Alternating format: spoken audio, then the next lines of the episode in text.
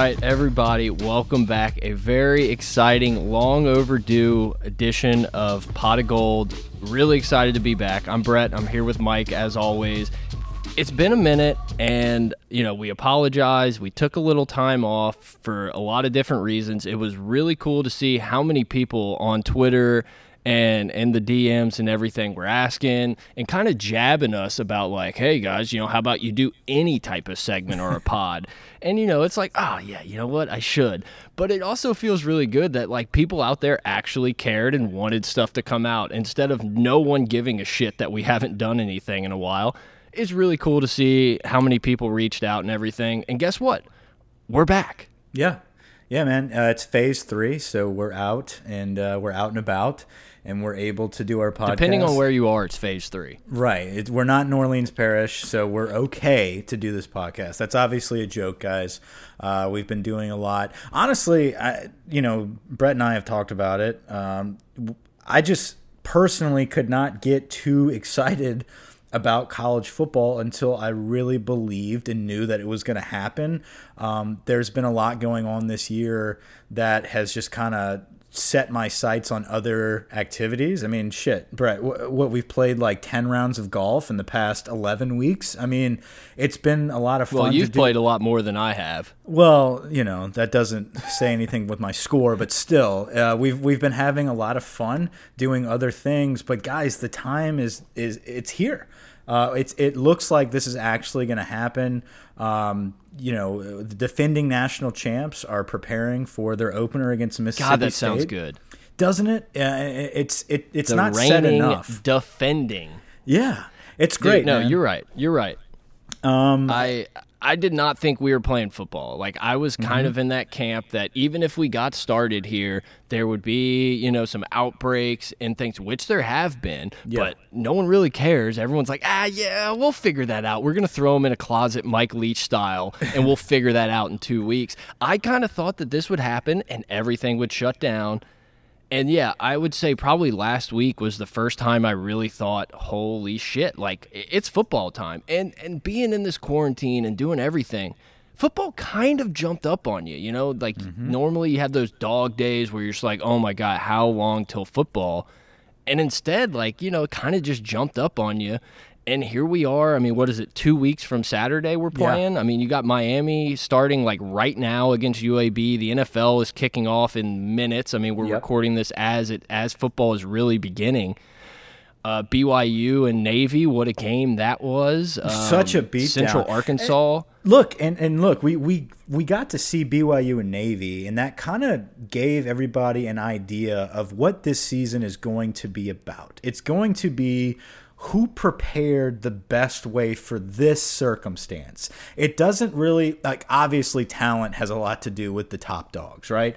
But when you look at the cream of the crop teams, LSU, Alabama, Clemson, Oklahoma, Georgia, like those top crews, they're all very talented. It's going to come down to who decided to prepare the best way in this situation. BYU and Navy was a great eye-opening experience of you know the the navy coach came out and said yeah we just decided not to tackle in preparation for this game. And guess what? It showed man. And like those type of things how are you going to prepare for this season is going to display how your record's going to be. Yeah, I did find that kind of funny. It's like I don't know if you can do anything but take the blame on yourself as a coach if you lose like 55 to 3 or whatever it was. But yeah, you know, you're right.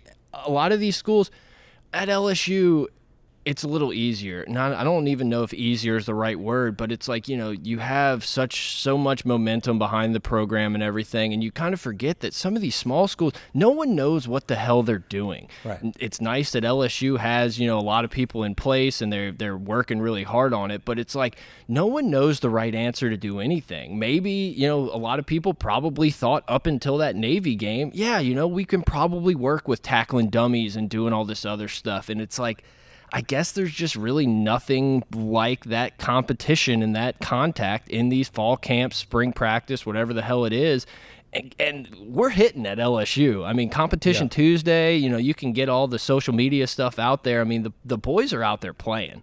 Yeah, and I will say this about our social media: they're not showing a lot. It, it it's very quick, choppy clips of a lot of blurred action. You don't really know what's yeah. happening. You just know that the guys are full speed ahead and we're doing everything we can to kind of get this expedited preparation for what is about to be a 10 week kind of a gauntlet man. There's look, we we were very fortunate to have kind of an easier east slot, you know, with Vandy and Mizzou and South Carolina, but that's still teams that are better than playing UL or playing McNeese. I mean, right. like, you know, all respect to those guys. And I, you know, I, I, guess McNeese isn't a good example right now with everything that just happened to them in the storm, but you understand my point on, here. Mike, yeah. Is that an SEC schedule 10 weeks in a row? Um, you got to prepare for that. And you got to be mentally prepared to go into each game knowing that everybody's going to have a different attack on you. We have the bullseye on our back, man. Like this LSU team right now is as as on top of the game as they'll ever be when it comes to the national perception. Um, I, I think you know everyone will everyone can agree that the 2019 season was a phenomenal year, um, one of the best, if not the best of all time. You're going to get Mississippi State's best shot. You're going to get Vandy's best shot. You're going to get all these guys' best shot every week. So, how do you prepare for that? You also are preparing for the unexpected. And I think that's going to be a hot topic we're about to hit on right now is you can make all these predictions. We can go through the 10 week season and predict, you know, 9 and 1 or 8 and 2, whatever it might be. But guess what? If Myles Brennan isn't wrapped up like the damn bubble boy, we've got Max Johnson and TJ Finley going out against Florida. You know, like who knows what's going to happen on a week to week basis. Yeah, I will just say I mean, what an absolute cop out by the SEC. Like, we are getting all these, you know, oh, well, this is going to be a big game. This is going to be a big game. And then the SEC just serves up the top, the top with just like the softest schedules possible. Hey, we benefited from it, but uh, it kind of sucks. Like, I thought we were going to have this opportunity to see some incredible matchups that we normally wouldn't see or would see once every like decade and they still kind of pushed out. But to go along with your thing, eh, you know, it's like Big Brother, expect the unexpected. But I think LSU's in a great spot because Ed Orgeron, pre COVID, pre everything, he's done such a great job with this program of keeping everyone almost in like a bubble. It's like, you know, block out the noise, all the rah rah stuff he says, but it really is true that these guys do a great job of staying within themselves and doing it a couple guys, you know, leave the program, opt out, and you know, for different reasons, whatever. I, I want to be positive. I don't really care. Good luck to all you guys. Wish you the best. Thanks for the title. But it's like everyone in there seems to be that one team, one heartbeat, on the yeah. same page, ready to go. And I, you know, I think it's going to show. I think some teams, especially with newer coaches, it's going to be probably a little different. But yeah. I like where we're at. Yeah, absolutely. And I think that's why we waited until probably this week to strike up this podcast is because on a, a day-to-day basis actually you don't know who's on your team. We didn't know who actually were going to be our starters you know? The only guaranteed that we had was yeah we know Myles Brennan's taking over for burrow. Other than that we didn't know you know that Ja'Marr Chase was going to opt out a couple weeks ago. We didn't know about tyler shelvin not wanting to play anymore. I mean like there was a lot neil farrell leaving. There was a lot of people leaving. There's so much uncertainty with the virus and and and these kids it's different for us at 30 years old right? It's different for us to sit back and understand okay I can't go to work or I can go to work I can work from home now. You know my savings account's doing well this that and the other.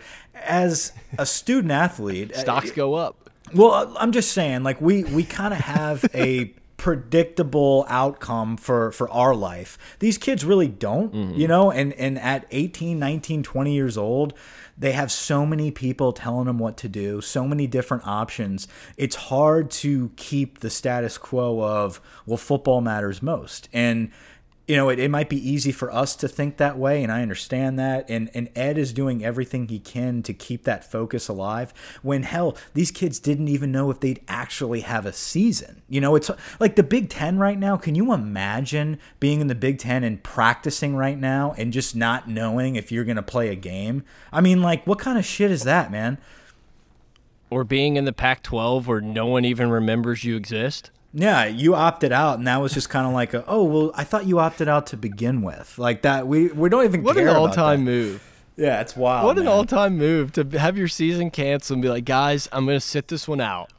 yeah, the opt outs at Oregon are, are just class acts, man. Like you're really reaching for some attention here. Like, you already opted Oh, out. man. Um, but no, but to that point though, man, it's it's one of those experiences where now we are a couple weeks away, and this is your team. This these are the guys you're going to be playing with. These are the guys you can count on to be there week one. These are the guys that are bought in. You hear You Jab- think? You yeah, think? yeah. I mean, look, Maybe. I, I think I think on LSU's team, I think the the opt outs are done, and I, I think the No, surprises. I agree. I, I I just mean that the day to day roster is kind of in flux, unlike Oh, we've ever seen before. I mean, you know, uh, you have to. Oh well, he maybe came in contact with someone at Pita Pit, and oh, we gotta, you know, we gotta quarantine. Like it, it's it's gonna be weird. Those like Tuesday, Wednesday, Thursday reports and everything. I mean, it's almost like must see twittering. Sure, absolutely. And that's that's another that's a whole different ball game that no coach has ever had to deal with. You know, coaches can control when a player is being disruptive at a bar, right? They can they can hey, you're going to run 50 laps tomorrow and we're going to do an internal suspension and then we're going to bring you back when we feel comfortable. Right now, we're playing with Right. a whole different set of rules, man. And it's one of those things that it's kind of an even playing field right now for everybody. Like Tennessee, they canceled their scrimmage because they had like 40 players that you know crossed the lines of contact tracing.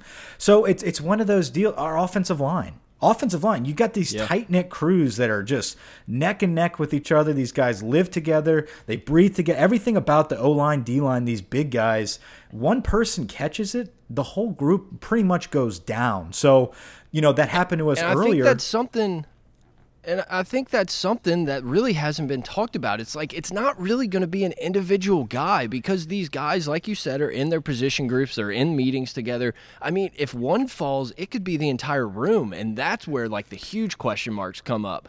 But you just reminded me an all-time Les Miles quote: "If you opt out, you're opting into the virus." And like within ten days, they have an outbreak at Kansas. Like all-time Les Miles right there.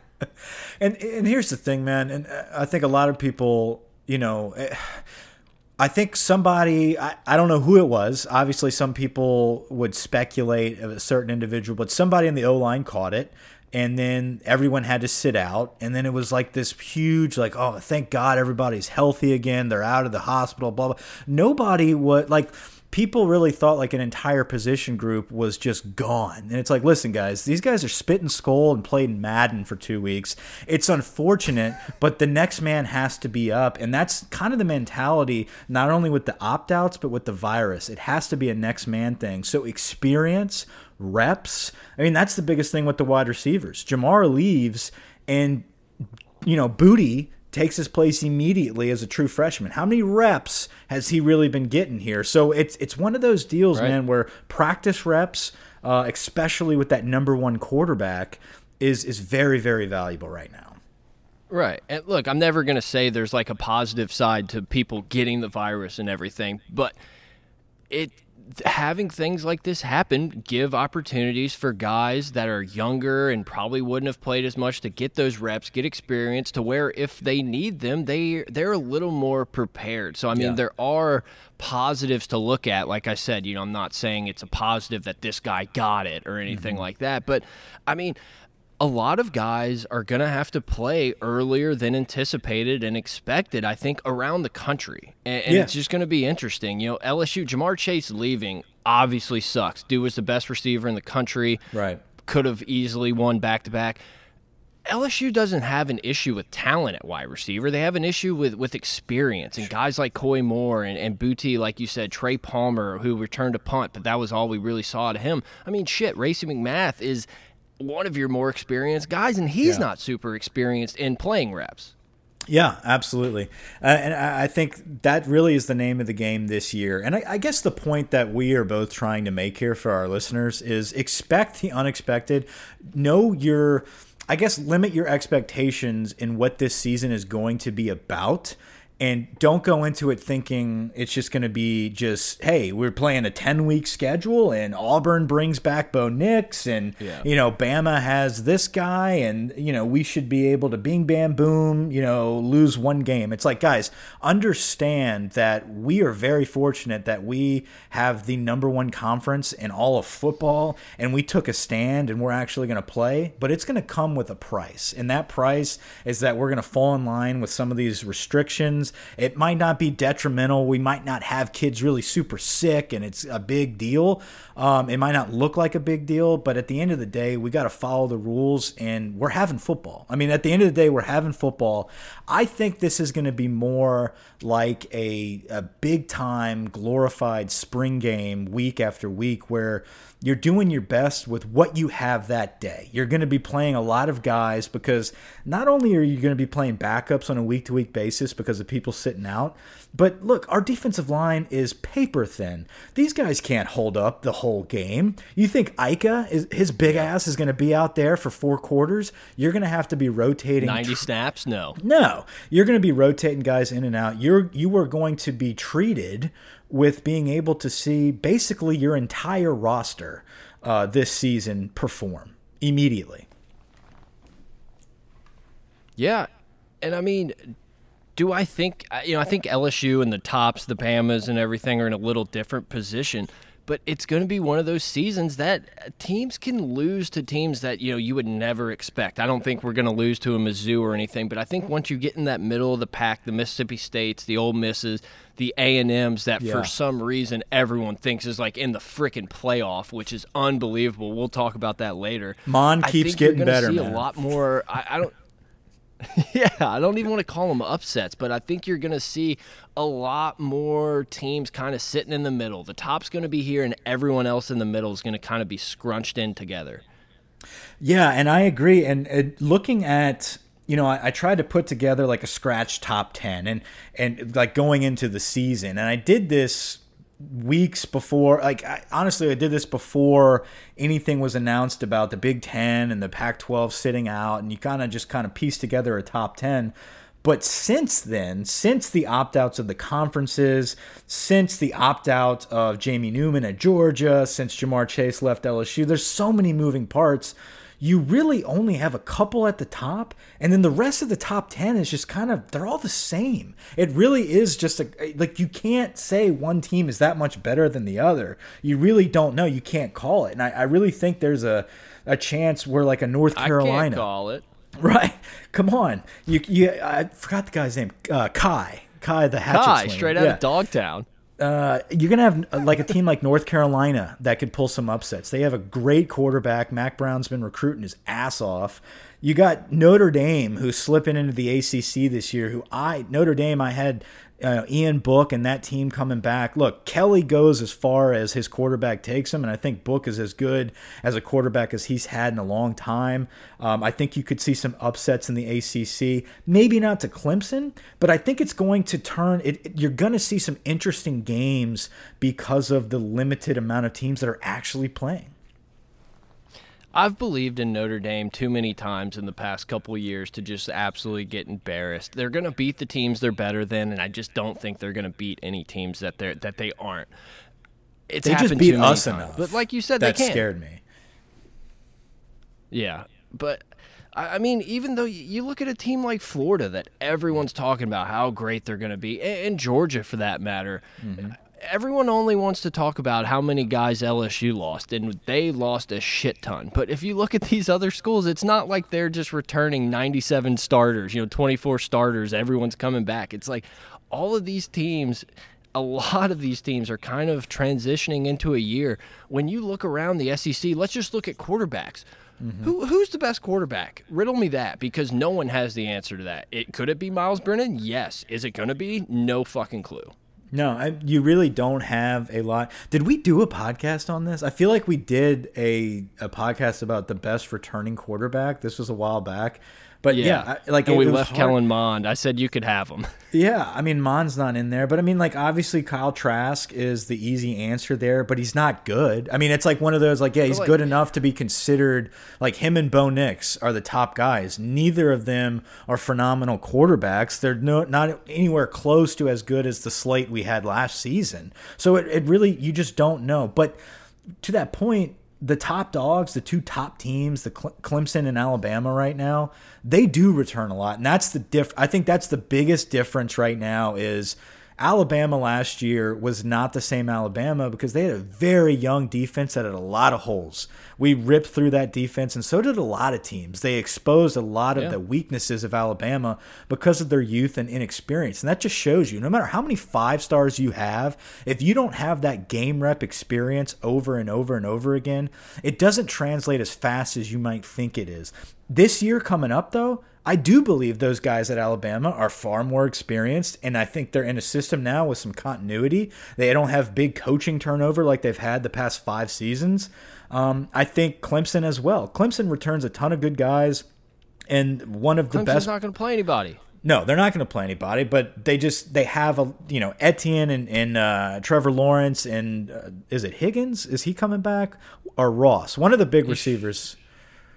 Ty Ross is gone. I think Tee Higgins is back. Yeah, one of the big receivers, probably yeah, Higgins, they're back. So they've got a lot of guys returning. So it might not look that different for those two, but everybody else, man, it's up in the air. It really is up in the air. Yeah, and I mean, you kind of hit it on the head when you're looking around saying Bo Nix may be like the best guy coming back. It's like if Bo Nix's dad didn't play for Auburn, no one would be excited about this dude. I mean, he was the definition of average last year. I get he was a true freshman. I'm sure he's going to get better. But like Bo Nix doesn't scare me. Those guys on the defensive line that have now gone to the NFL, those are the guys that scared me at Auburn. if there's any guy that scares me, which not anymore. If we still had like a Dave Aranda style defense, it scared me a little bit.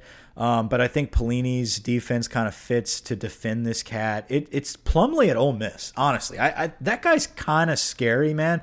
And I think when you have a guy like Kiffin who's very motivated to be, I guess you could say a showboat at times. I think he is going to absolutely expose defenses with a talent like Plumlee. They also have Matt Corral, who's okay, I guess. I don't know. That's a little bit of a quarterback battle, but um, at Mississippi State, you got you got Leach that. Uh, we're playing them early, so I'm not worried about it. But later on in the season, Mississippi State's going to sneak up on some teams with an explosive offensive attack. But I don't know who the quarterback Yeah, is. absolutely. Absolutely. I should. He's a transfer guy. Um, but yeah, like you said, I mean, I think teams that have new coaches, it's going to be really hard early in the season. But playing Ole Miss last game of the year, who knows what you're going to look like at that point, if there's Yeah. anything to play for. That's definitely a spot that's a game that LSU could lose that you would never think, even if Ole Miss isn't that, that great. It's just in such a weird spot. Last game of the year, can't hold anything back. I I don't know. I mean, it's going to be interesting. I'm excited, man. Like, you know, playing all these SEC games should be a lot of fun. Not having a ton of people in the stands, you know, it's going to be weird. It's going to be different. Really curious, kind of how this NFL game and the Miami games going right now. I guess no one really goes to Miami games anyway, but it's just going to be exciting, man. I, I, I can't wait. I wish we would have played someone cooler in, out of the East. And I guess the only other team is Georgia, and we don't want to slap them around again unless it's in the championship game. But I don't know, like Tennessee LSU be fun. schedule. I think Tennessee would be fun, but like LSU, I guess Kentucky maybe we haven't played them in a while, but it's Yeah. like I just you know we had the opportunity to have some really cool matchups that we didn't expect to see, and instead we're going to like Vanderbilt and playing Mizzou and South Carolina. It's just like eh.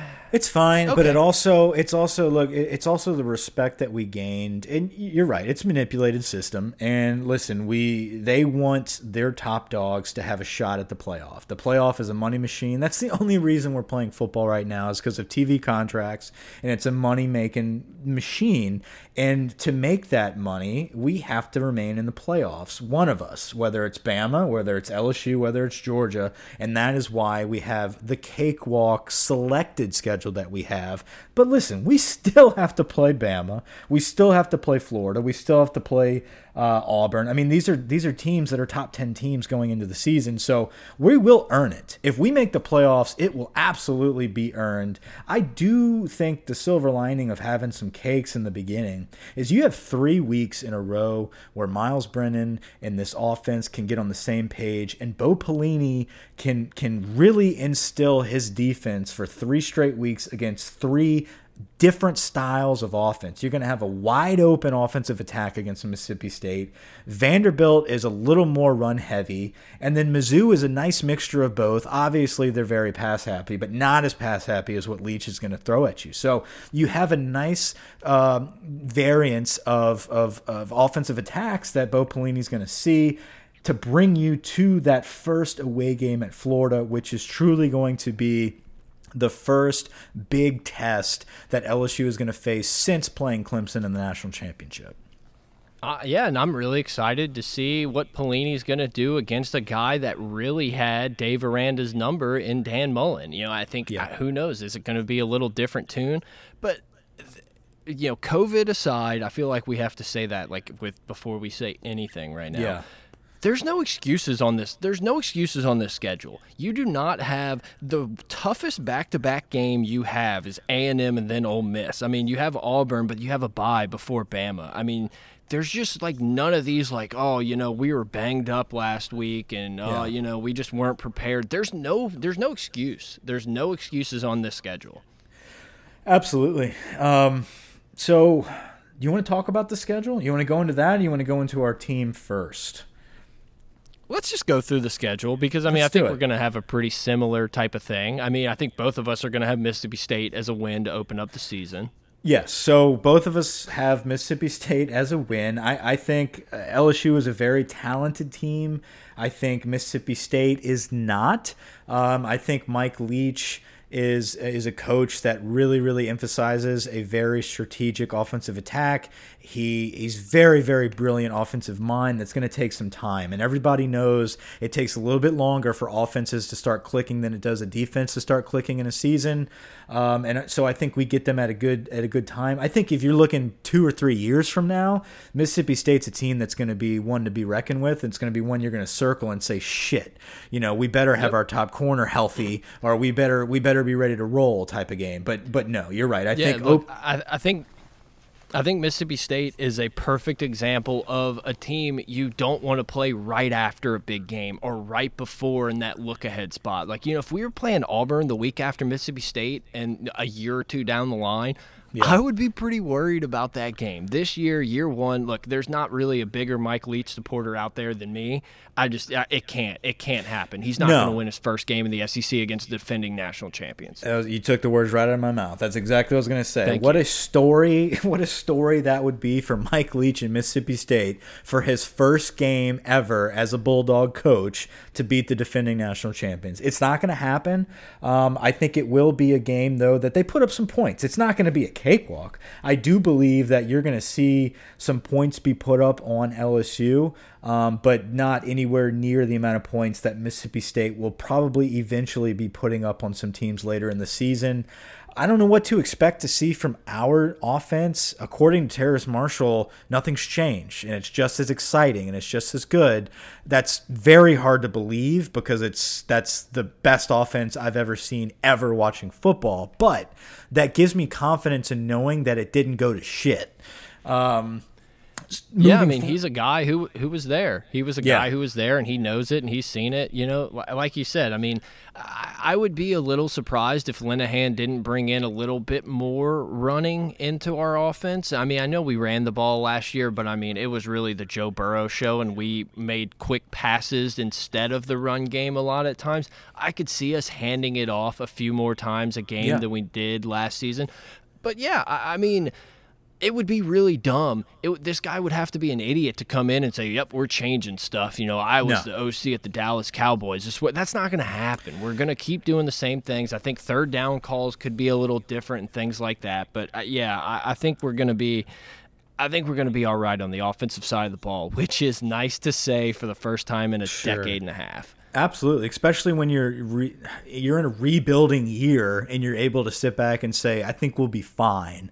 Um, and and it's not just with Linehan. We hired a, a, couple assistants who are very much in the Brady mold of they're in the spread attack, they're in the RPO attack, yeah. they're in the modern the modern college football offensive attack with a gunslinging quarterback and, eh, you know, if we have to resort to a lot more running game, we have a phenomenal offensive line and just a stable of running backs that I can't wait to get into. But moving on to the second week at Vandy.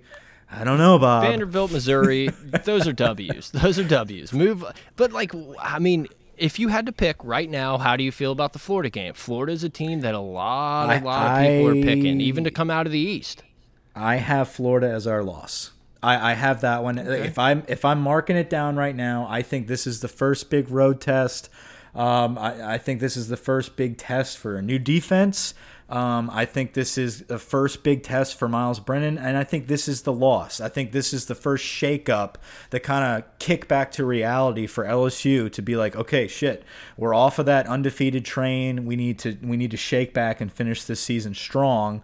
And I'm glad we had this hiccup early. I, I think Florida is a very talented team. Trask is a good quarterback. They've got a great tight end. They've got one of the best offensive play callers in the game. I don't know, man. I, I think that's the tough one. You're going to have to pick a loss. You might have to pick two this season. Um, but yeah. going into it, I think that's the first one that I'm going to say. Uh, I'd say it's an L at this time. Yeah, I, am a little. I'm, I'm a little more confident when I look at Florida. I think it's one of those coin flip type of games. I just think LSU ha has a little bit of an edge in the mental aspect of like you know we're the defending champions. We haven't lost in seven. You know, a lot of the guys playing have never lost a game at LSU.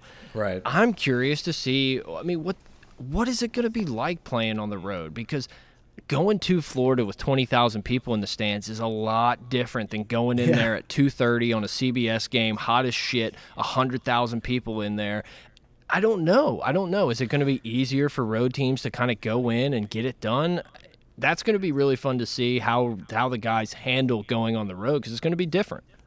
Yeah, and that's a great point. And, and and like we said, this is kind of I don't know. This is kind of a mixture of COVID aside and also playing into the limitations we have. And one of those limitations is the fans. And and that plays a huge part in picking these wins and losses. I mean, you you look at at Florida, the one of the main reasons I have that L there, which is for me, if I have to pick one, it's one of those, right. is because of the fan experience. It's because of the pressure at the swamp. It's because of Myles Brennan never having experienced that yet, that environment of all the pressure on you. Um, you know, third and long, and you gotta you gotta throw a game winner here. Can you do it with those many fans bearing down on you, not having not being able to hear the call? Calls, you not you're not going to deal with that. So does that yeah. does that help us or hurt us? I don't know. We'll see. Yeah, and I mean, you know, we can just skip South Carolina. I think we both think that's a win. I would yeah. be a lot more worried going into Auburn, Alabama at, on Halloween night or day. I don't know when they're going to play it. I would be way more worried about that game if there was hundred thousand people in the stands. But when there's twenty or what, I you know, I don't didn't look up how many each place yeah. is going to have. I assume it's going to be around that twenty five thousand mark. Right that takes away a lot of that. You know, I, I think it's going to be easier for teams to go into a normally hostile environment and take care of business. And I think LSU is far more talented than Auburn. I have Auburn as my my first toss up game. So it's a coin flip for sure. Yeah, yeah. I'll just I'll, I say I have Florida as a loss. I have Auburn and Bama back to back as toss ups. I think we're gonna lose one of those. It, that's just kind of my. If I had to guess, my prediction for the season's eight and two. I think we lose to Florida, and I think we win either Auburn or Bama. Yeah. yeah, and I think both yeah. of those are toss up games. I think it just depends. I really expected with all these opt outs, I thought at least one of these Bama phenoms would, would bail and you wouldn't have just a hey, go deep and Mac Jones toss it up to DeVonta every time.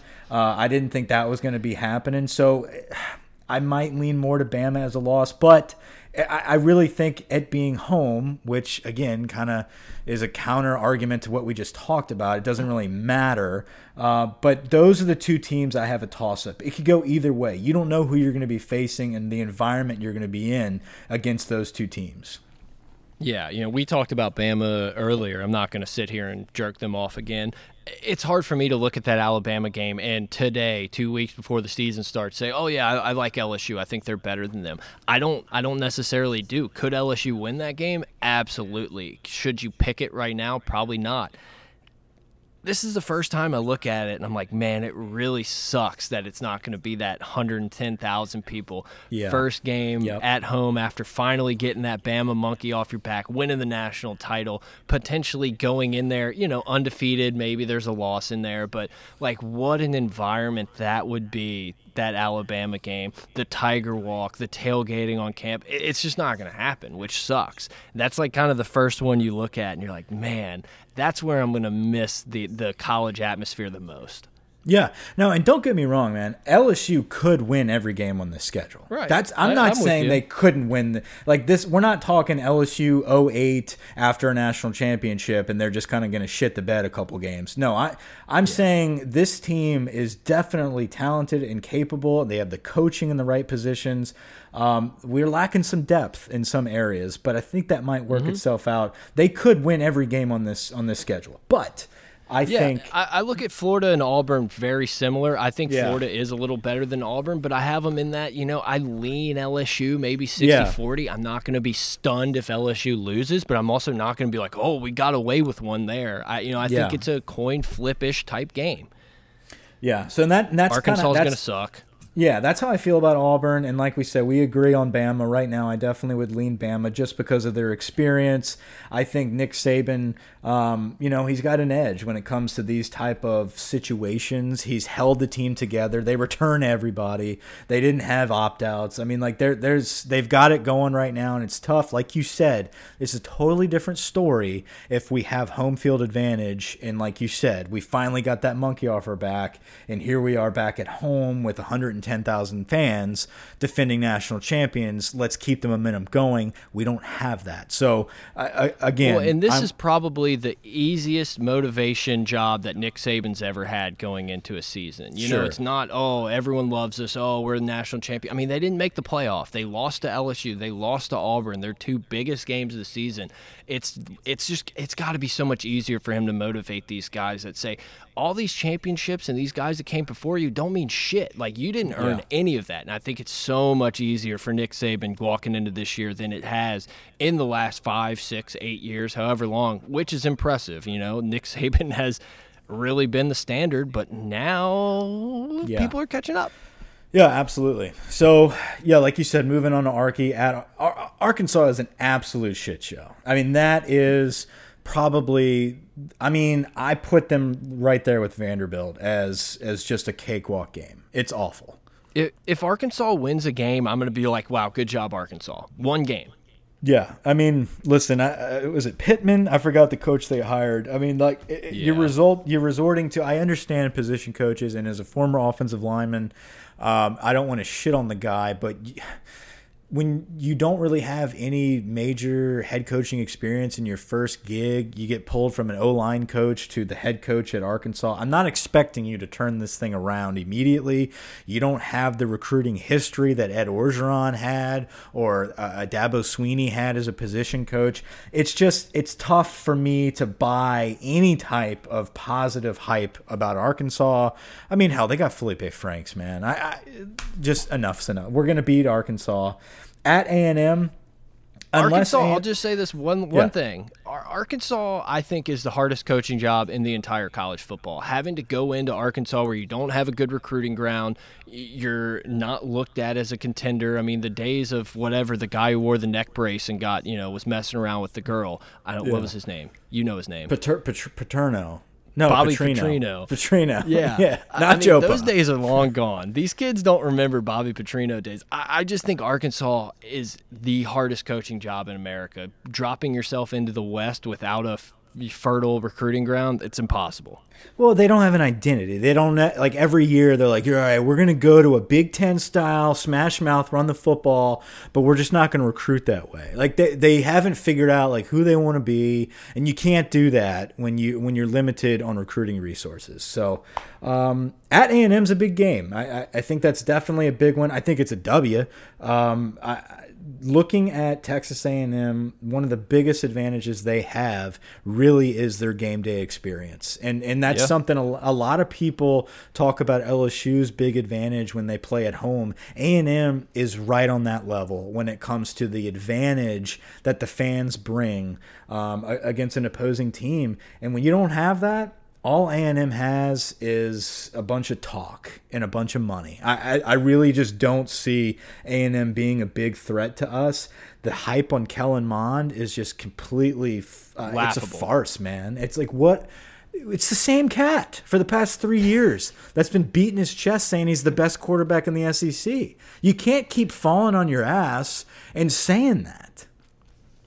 I'm just not going to be a Texas A&M believer. They can prove me wrong and make me sound like an idiot, but until they really do it in the SEC and beat these teams, I'm just not a believer. Like it is what it is. Jimbo's fine. He's the third best coach in the West.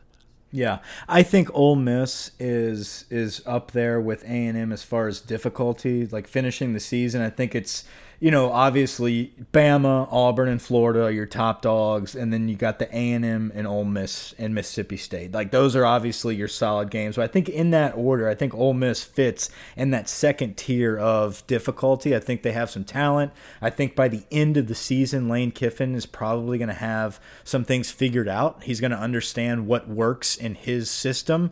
Uh, he's going to obviously by week 10 have his quarterback figured out and um, I think you're going to see a good game. It's at home. It's against LSU at the end of the year. I don't think Kiffin's going to walk into our stadium and beat us year one, just like Leach. Uh, but I do think it's going to be a competitive matchup. I think Plumlee is a very good quarterback. Um, and I think Lane Kiffin is an underappreciated, undervalued coach. I really think he's going to do well at Ole Miss. And I think by week 10, you're going to see a good team. Ole Miss to me comes down to what does LSU have to play for in, the tenth game of the season? Are they playing for a playoff berth? We route Ole Miss. Are we playing to possibly win our seventh or eighth game? That's where it gets a little dicey for me. Yeah, and I just don't think we'll know. You know, I agree with you. I think Lane Kiffin is kind of you can laugh at him because of the Tennessee, the USC thing, him kind of getting bitched at by Saban on the sidelines. Lane Kiffin knows what he's doing, and if he wouldn't have gotten that Florida Atlantic or FIU, whatever the hell job he got, he yeah. would have been the offensive coordinator at LSU, and we would all be saying how awesome and how great Lane Kiffin is.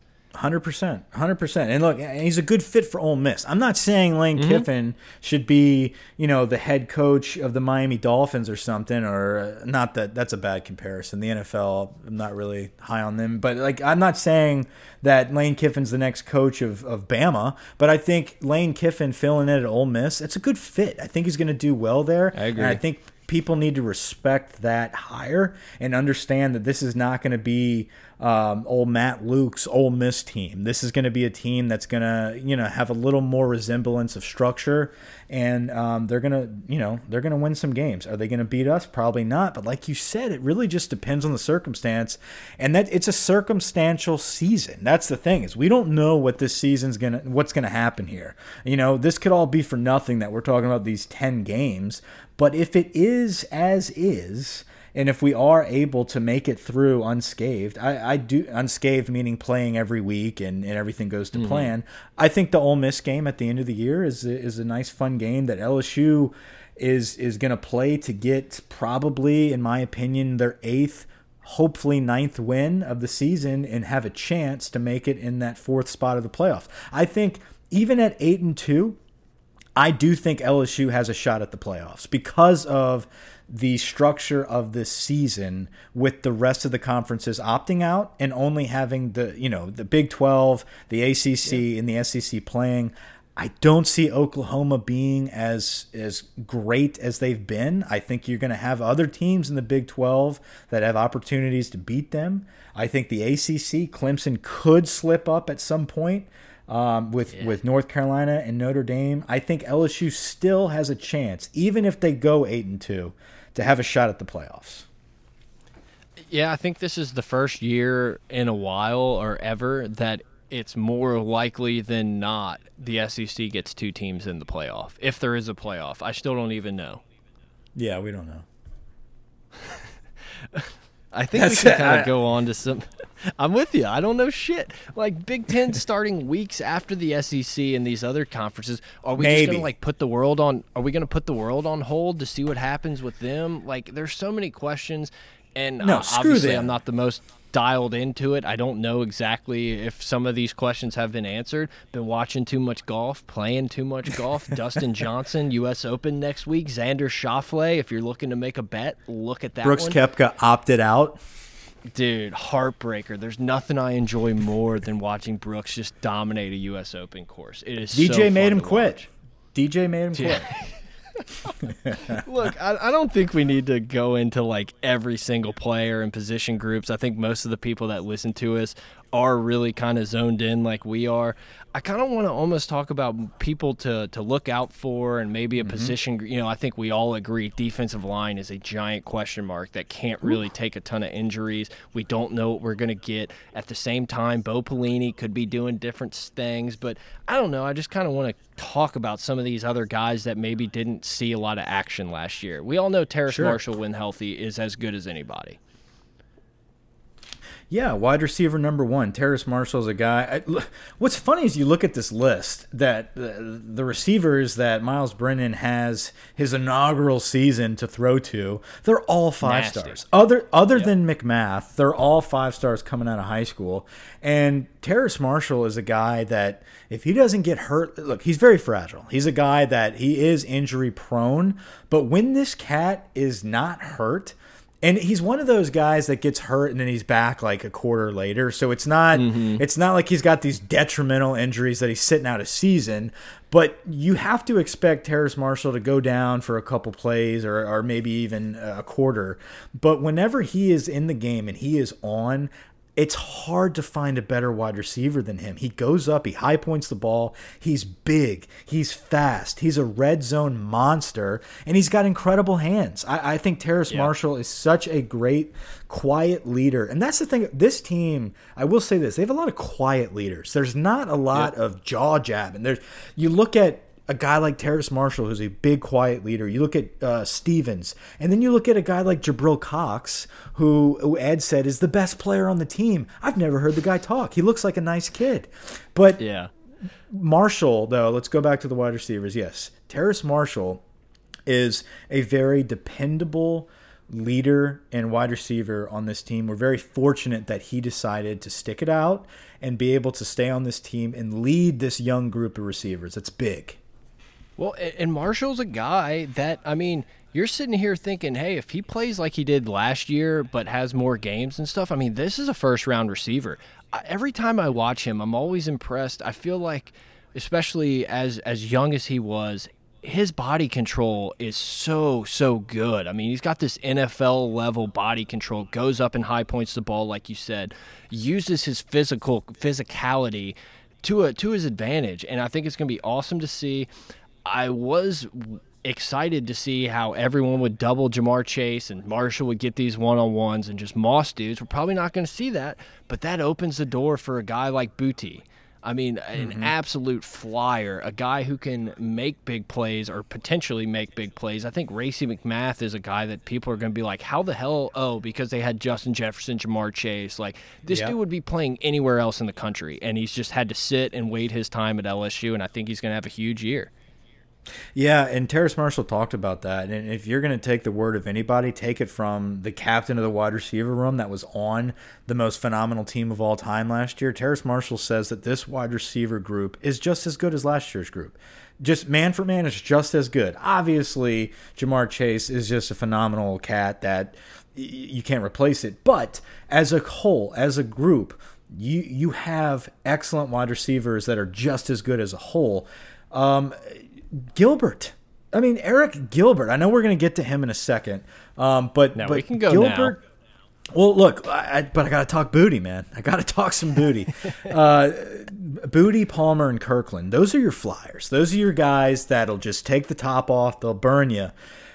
This type of season, though, you really you're not you're not just focusing on the now. You're preparing for next season, and that's why you're going to see guys like Kayshon Boutte play over Trey Palmer possibly from the get go. And a lot of people are going to sit back and be like, well, what the hell happened to Palmer? Like, why isn't he not starting? Well, the thing is, if, if you're equal right now, but you're the younger the guy, guy. You're, you're going to play because you have longevity with him and he needs the reps now. Because guess what? Next season, when you've got Boutte and Palmer and Gilbert all having reps, they're going to be all in the same level experience and you're not going to be developing. So, Boutte is a, a star. And I watched uh, an interview with one of his former coaches at Westgate. Westgate is just filthy talent, right? Like th these are guys yeah. that every few Jared years Mitchell. you've got Jared Mitchell. I mean, the list goes on. Um, but it's it's in all sports. It's a very athletic program. They just don't get a lot of spotlight. But when you have a guy actually come through the program, um, they they talked about how when Boutte is going to be around other guys on his level, right? Like Westgate has talented players, but they usually have like one. And the rest of the right. guys at Westgate are like okay. They have these generational talents. They never play to their potential until they're around other people just as good. Boutte has been excelling, and you saw it in the Under Armour All American game. That's when people all of a sudden were like, oh, wow, he's going against the best of the best right now and making it look easy he, has been doing it the whole season at Westgate, but it's just not noticed because it's at Westgate. All of a sudden, he's taken it to another level, and now at LSU, he's taken it above that. And I think the coaches recognize it. We are going to see very, very good things from this kid. He's a burner. He's very athletic. He's very, he's very much like Ja'Marr Chase in a sense of how he's built. He's just a little faster. Mm -hmm. He lines up in the backfield a lot. He did that at Westgate where he was. Uh, they did that running back set where he's always in the backfield. He can do anything you need him to do. They uh, somebody referred to him as a a dog going up for a frisbee. You just he, his body can move move in very unique ways. He's got great hands. And that's your freshman. That's your like unknown guy. You put him next yeah. to Marshall and McMath who have experience and then Megatron at Gilbert. Come on, man. Yeah, and I mean you got Kirkland and and Jaray Jenkins that you know will possibly play. Uh, I'm only going to spend a quick second on it, and it may not happen this year, but they have Justin Jefferson on their roster still. His name's just Koy Moore.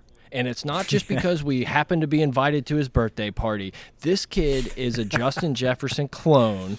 And it, like I said, we may not see it a ton this year, but we will see it. And this dude is going to be a dog. When he's like your sixth option at the moment, you're in good shape.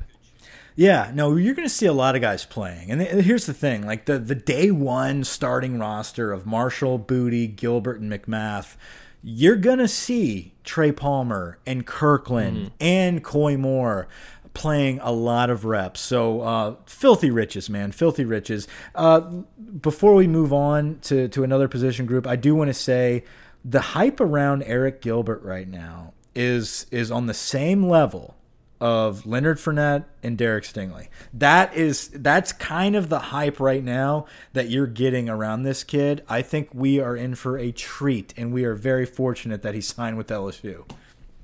It was the most like easily seen thing ever that this dude was going to be the guy that came in and wowed everyone and was the talk of fall camp. But still, I mean, he is the expectation on, like you said, like Leonard Fournette, the expectation on this guy is All American immediately, and that's it. Like All American. Yeah. That's that's like the floor. I, I'm anxious to see what, what he can do. I'm anxious to see the creativity of our offensive staff and, and see if they can scheme up some some stuff to get him open in the red zone. I, I think it's going to be fun to watch. But you know, if all who else who do you fails, put on him, Mike? Who do you put yeah, on him? You, you can't put you, a linebacker on no. him. He's way too fast and too big. You can't put a safety on him. I think I, I think he will overpower him. What are you going to do? Put a put a nickel corner on him? Are you kidding me? Like who who do you cover him with? He might yeah, be the guy that catches the doubles. Yeah, I, look, what defenses are going to have to count on with Arik Gilbert is that he's just going to drop a pass here or there. Like you have to just hope that he maybe doesn't make the catch and that, you know, Brennan just throws a missile, you know, 10 yards down the field instead of actually giving a soft touch. Like that's what you have to count on to defend this guy. Um, is is a mistake on his part. Gilbert's going to have more third down targets than anyone in the country. Book it, write it down, mark it down, write it in blood. I don't care. He's going to be hmm. absolutely just hammered on those third downs as a reliable guy with a great matchup market cotton. You look at our offensive line. We'll just we'll go through this real quickly. You, you, got Deculus, who's a returning starter, great foundation there. Hines is a guy that they just they tried to find ways to get him on the field for the past two seasons because he's just an animal. He's a plug and play guy in that interior. On the other side at guard, you have Ingram, who I think is going to be a first, maybe second round draft pick. Um, and then you've got Rosenthal, who's a question mark. I think the only question mark would be Rosenthal. Shanahan comes in. Uh, Liam Shanahan, the transfer from Harvard, is your center. That speaks to me a lot. That all of a mm. sudden you you you transfer in and immediately you are given the ball. You are told you are now taking the spot of Lloyd Cushenberry, who is probably one of the most I don't know, probably one of the best leaders we have had on the offensive line in the past 10 years, and you give it to a guy that just showed up. That shows me that they are very confident in his physical ability and that he's very smart, obviously. Um, but it, it, it allows Hines to move. It allows Hines to scoot over to guard. And so you've got an Ingram, Shanahan, Hines interior offensive line. That's brilliant. No pun intended, it's, if it works it out. It seems yeah, that interior seems like it's as as good as we've had in a long time. I agree. Like Hines is a guy that you know. I'm not saying I know a shit ton about offensive line and stuff, but I felt like every time he played, I was like, man, that dude's awesome. And it just like he couldn't figure out how to like break into that group. And I, I think he's going to be really good. I agree with you on Ingram. I think Ingram's probably our best offensive lineman. The dude is yeah. just a mauler. He reminds me of the guy. Uh, was it Trai Turner that went to the yeah. Carolina yeah. Panthers? That's kind of who he reminds me of as a guy who can kind of just bully dudes. And then, like you said, you got Deculus, you got Big Deck on the outside, and then it's like, okay, we got to figure out that one spot. But putting Shanahan at the the center, I think, opens up a lot of opportunities for for people. Yeah, and uh, Rosenthal at left tackle. Dare is a guy that has so much potential. They trust him enough to, to plug in at left tackle. You know, that speaks a lot too. Deculus, is Big Dick Deck, has been there for, for quite some time, and he's got a lot of big experience in big time games. I mean, he was part of the team last year. You you know, it, it's we've got a handful of like a handful, literally, of guys on either side of the ball that were part of this incredible team last season. Deculus is one of them, and then kept him at right tackle. That says that Rosenthal is good enough to to they get the blind enough, side. Yep. Right. They trust him enough. I think he is huge. He's got great size. I, I think that's the only question mark when it comes to experience is Rosenthal. I think we're going to be okay.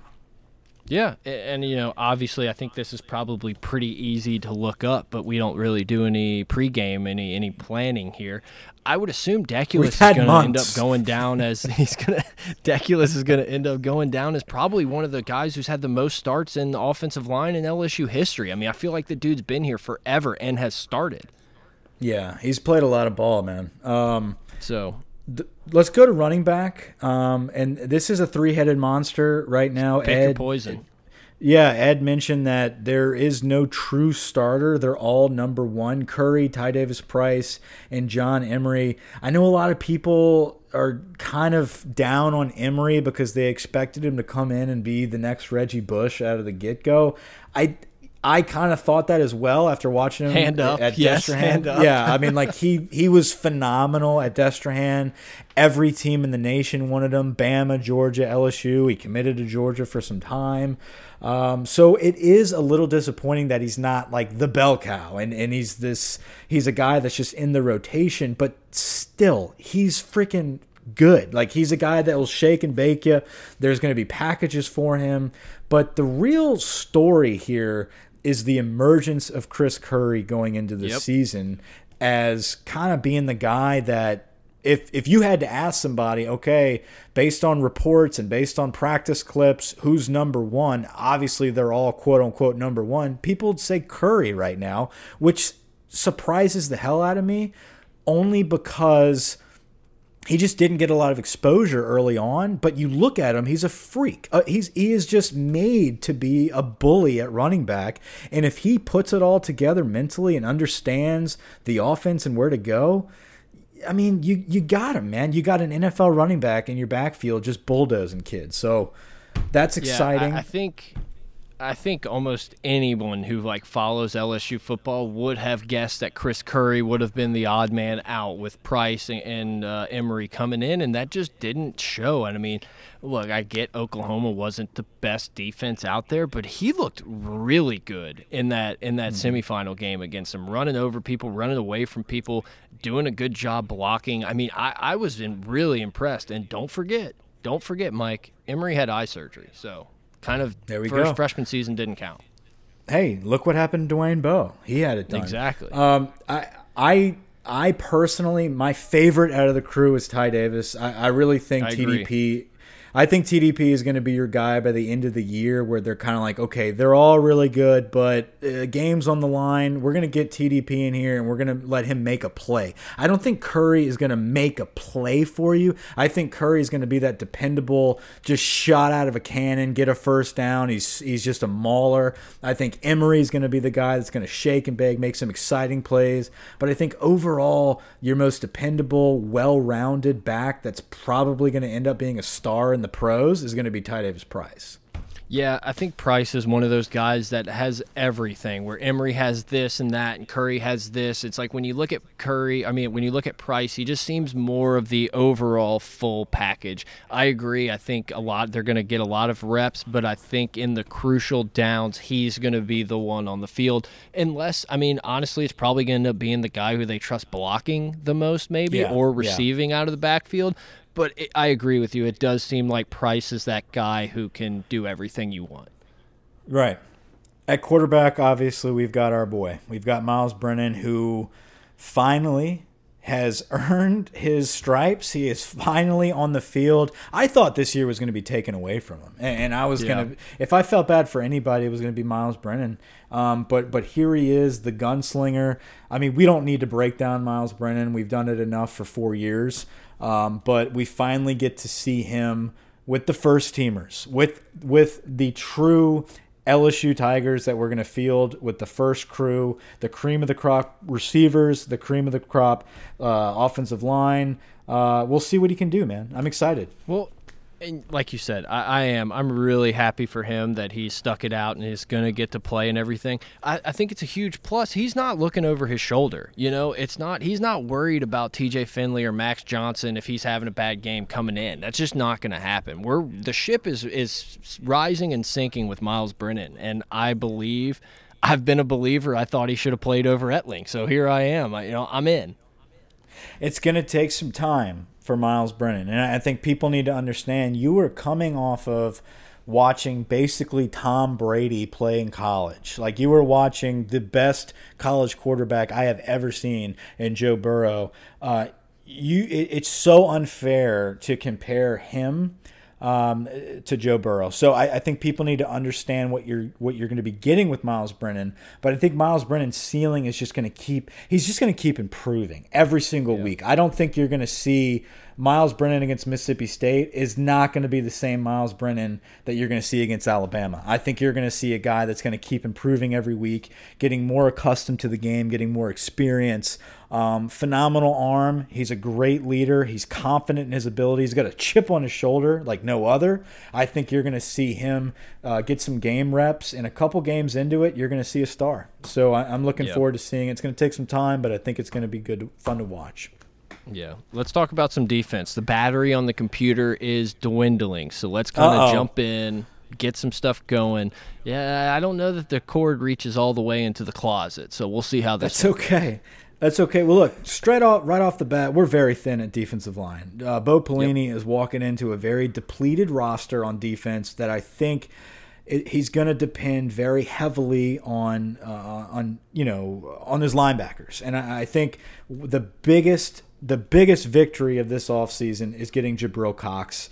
Um, Ed Orgeron says that he is the best player on this roster. You look at this roster, that's saying something big, man. So a, a guy like Jabril Cox to come in, be one of the best players, if not the best on the team. You couple him with Damone Clark, uh, two very quiet leaders that are very headstrong and that'll just bust you up the middle. I mean, these are very downhill big linebackers, Baskerville as well. I think Baskerville is a guy that has a lot of experience that I think Bo Pelini's system fits him better than what uh, Dave Aranda had Baskerville in. So I think that yeah. linebacker corps is a lot it's it's more solid than people think. I, I think that's going to be a very big stronghold for us.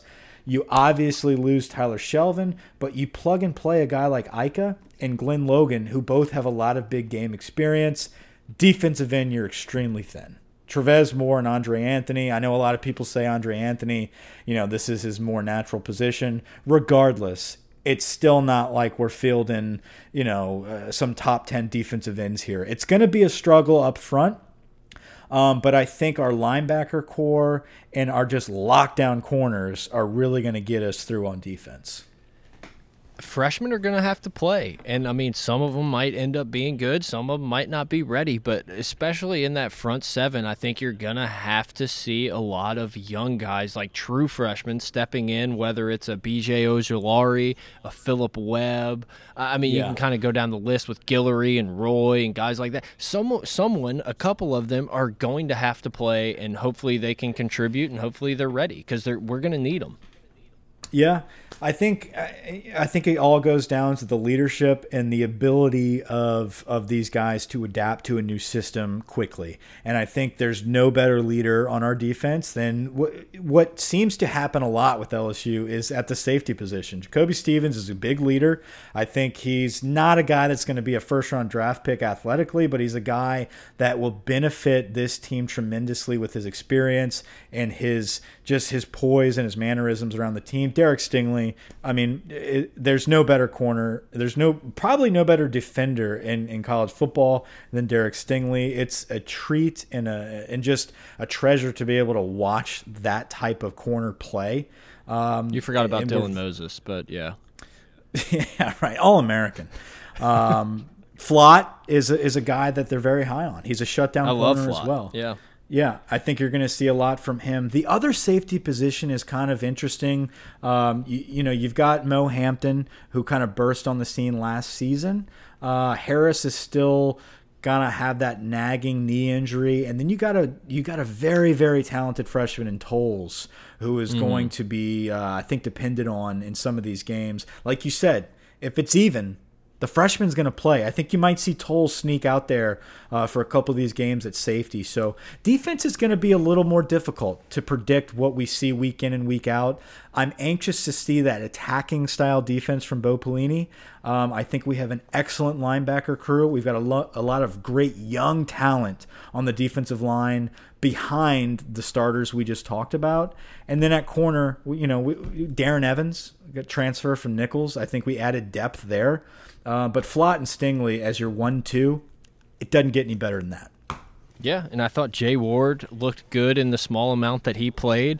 And oh yeah, oh yeah, Ray sprinkle Darius. in LSU also signed the number one corner in the country in Elias Ricks. Do I think Elias Ricks is going to come in and take that spot immediately? No, I really don't. I think some people do. If I had to bet, I think it might take him a little longer, some time. But uh, I mean, like at wide He'll receiver. Play embarrassment of riches, a lot of talent. I mean, yeah, the days of playing two corners only, two corners and two safeties with seven guys in the box is done. I mean, these guys are going to have to play, whether it's in the nickel or on the outside or however they want to do it. This, if you've never bought a program or if you've never had the roster pulled up during the game, this is the season where you're going to need to do it. I, I, I don't think, think they're going to the sell year. programs, Mike. You can't be passing around. Can't touch them like that. no, no programs available. well, you get my point. Is you're gonna yeah. like who's number two? Uh, oh, McGlothern, yep. or you know, like you're not gonna know. Oh, who's number one out there? Oh yeah, Mathieu. right. Elias yeah, Ricks is Mathieu. That was a wild game, wild time. He's playing tonight right now. Tyrann Mathieu. Yep. Good old legend. seven but, seven when I looked. Um, uh, but listen, guys, expect the unexpected. You're going to see a lot of young guys playing. I think we have a very talented team. I think Brett and I are both on the same page when we say this team is talented enough and coached well enough to beat any team on the on our schedule. Um, but I think it's going to come down to the week to week what ifs. It's a circumstantial season. It's going to be exciting. I do think LSU has a chance to make the playoffs. Um, I'm just happy we're playing football, and that's why we're talking. That's why we're back. Um, I'm not sure when we'll be back again. Um, it's kind sooner of a circumstantial podcast. yeah, Soon, yeah, sooner maybe. than the last break. But, we might be back yeah. to talk the Mississippi State game. Right. I, I completely agree with you. I really like this team. I don't think it's going to be that Cinderella story of last year. I think it's going to be too hard with everything involved. I love the team. I love the leaders on the team. I love the the leadership that starts at Scott Woodward and goes down to the the coaches, guys like Corey Raymond and obviously Ed Orgeron and Steve Ensminger. I love what LSU has built. I don't give a shit if they lose three or four games like this coming season. I love the foundation. LSU is going nowhere in terms of national contenders. Maybe not this year, but I mean, over the next 10 years, over this 20s decade, LSU's name is right there with the big dogs, and that's all you can ask for. Absolutely. I, I am in. I'm done. That's all I can say. I'm out. I think we're preparing very well for the future. I think you're going to see exciting young players uh, really lighten up the scoreboard this year. I can't wait to watch it. The development of this program is, is only getting better, and I, I really think next season is going to be a phenomenal year. But in the meantime, we get a treat in watching these guys play and prepare for that. Um, so yeah, man, looking forward to it. We'll be back. That's the scary thing. It's just getting started. It's just getting yeah. started. LSU is going to be able to recruit as a national championship now, as a national champion. Like now they've proven, hey, we are Bama. Like we're the Bama of the 20s. So look out, we coming. That's it. Now I'm. This done. is it. This is it. Brett's done. We'll be back to discuss the Mississippi State game, guys. Thanks for listening. As always, uh, over now.